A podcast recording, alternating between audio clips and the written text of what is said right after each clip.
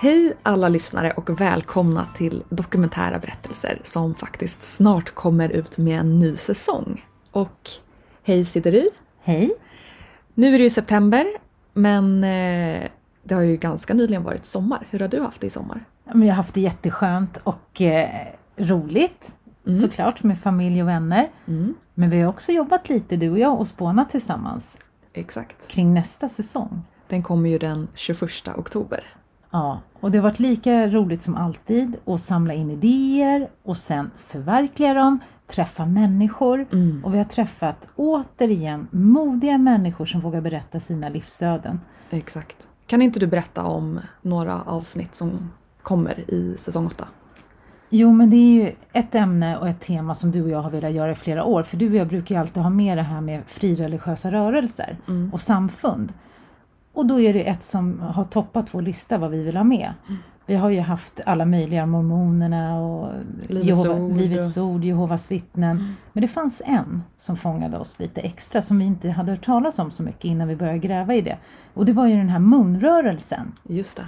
Och jag har försökt att få kontakt med någon i flera år nu faktiskt, typ så ett och ett halvt, två år, Mm. med, när jag har gjort research och inte lyckats. Men till slut så svarar ju en tjej som faktiskt var spion på 80-talet i munrörelsen. Och jag bearbetade henne, mejlade henne typ och ringde eh, eller smsade tio gånger tror jag. Mm. Och till slut så kontaktade hon mig. Hon bara, jag har ett nytt nyårslöfte och det är att säga ja till saker så jag är gärna med. Exakt. Så det är helt galet som hon är med nu och berättar sin story kring det. Och sen är det faktiskt, genom Peter Åkerbäck så fick vi kontakt med två medlemmar som idag är medlemmar i Enhetskyrkan. Mm.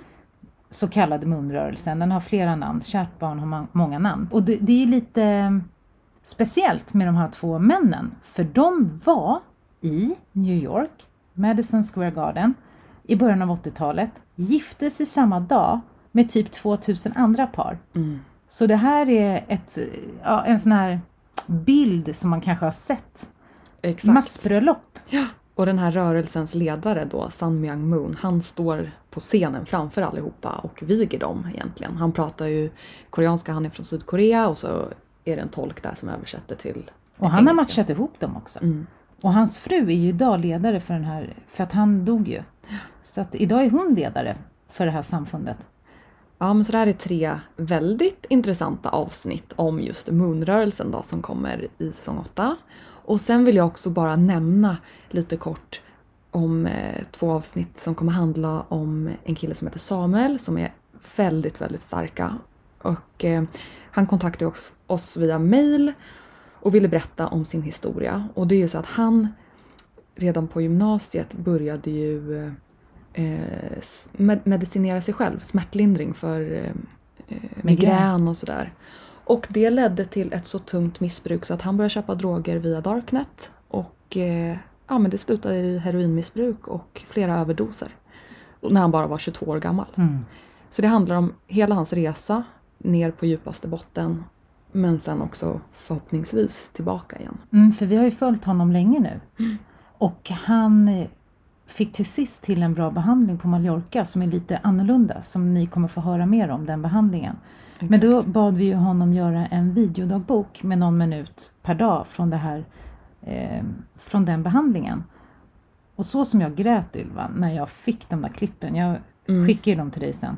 Det berörde mig så starkt. Mm. Och ni kommer få höra ljud från det också. Ja. Mm. Så det är de avsnitten vi vill berätta om här och nu men det kommer ju också lite handla om tarotkort och eh, andra psykiska sjukdomar som eh, tvångstankar till exempel. Det berörde mig också väldigt mycket. Och sen en tjej som har en mamma som var väldigt ung mamma för att få Alzheimers Mm. och hur det är att ha en nära anhörig som blir så borta i den sjukdomen.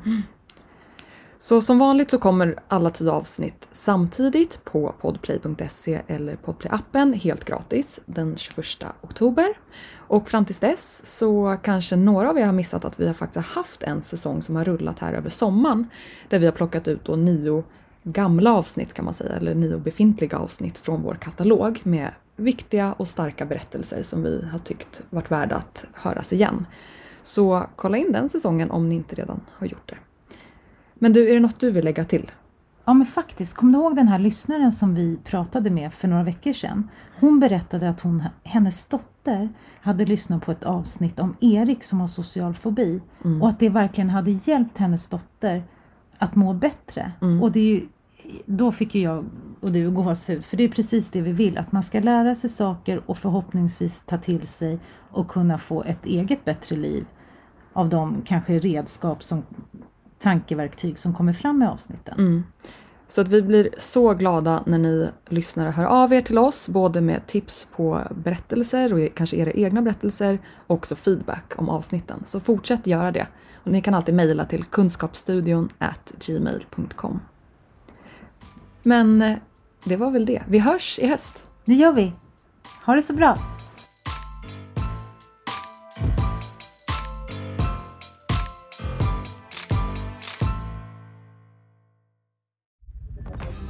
Podplay, en del av Power Media. Med Hedvigs hemförsäkring är du skyddad från golv till tak oavsett om det gäller större skador eller mindre olyckor.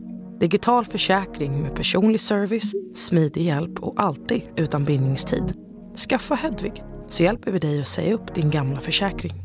Hedvig Hemförsäkring, ett klick bort.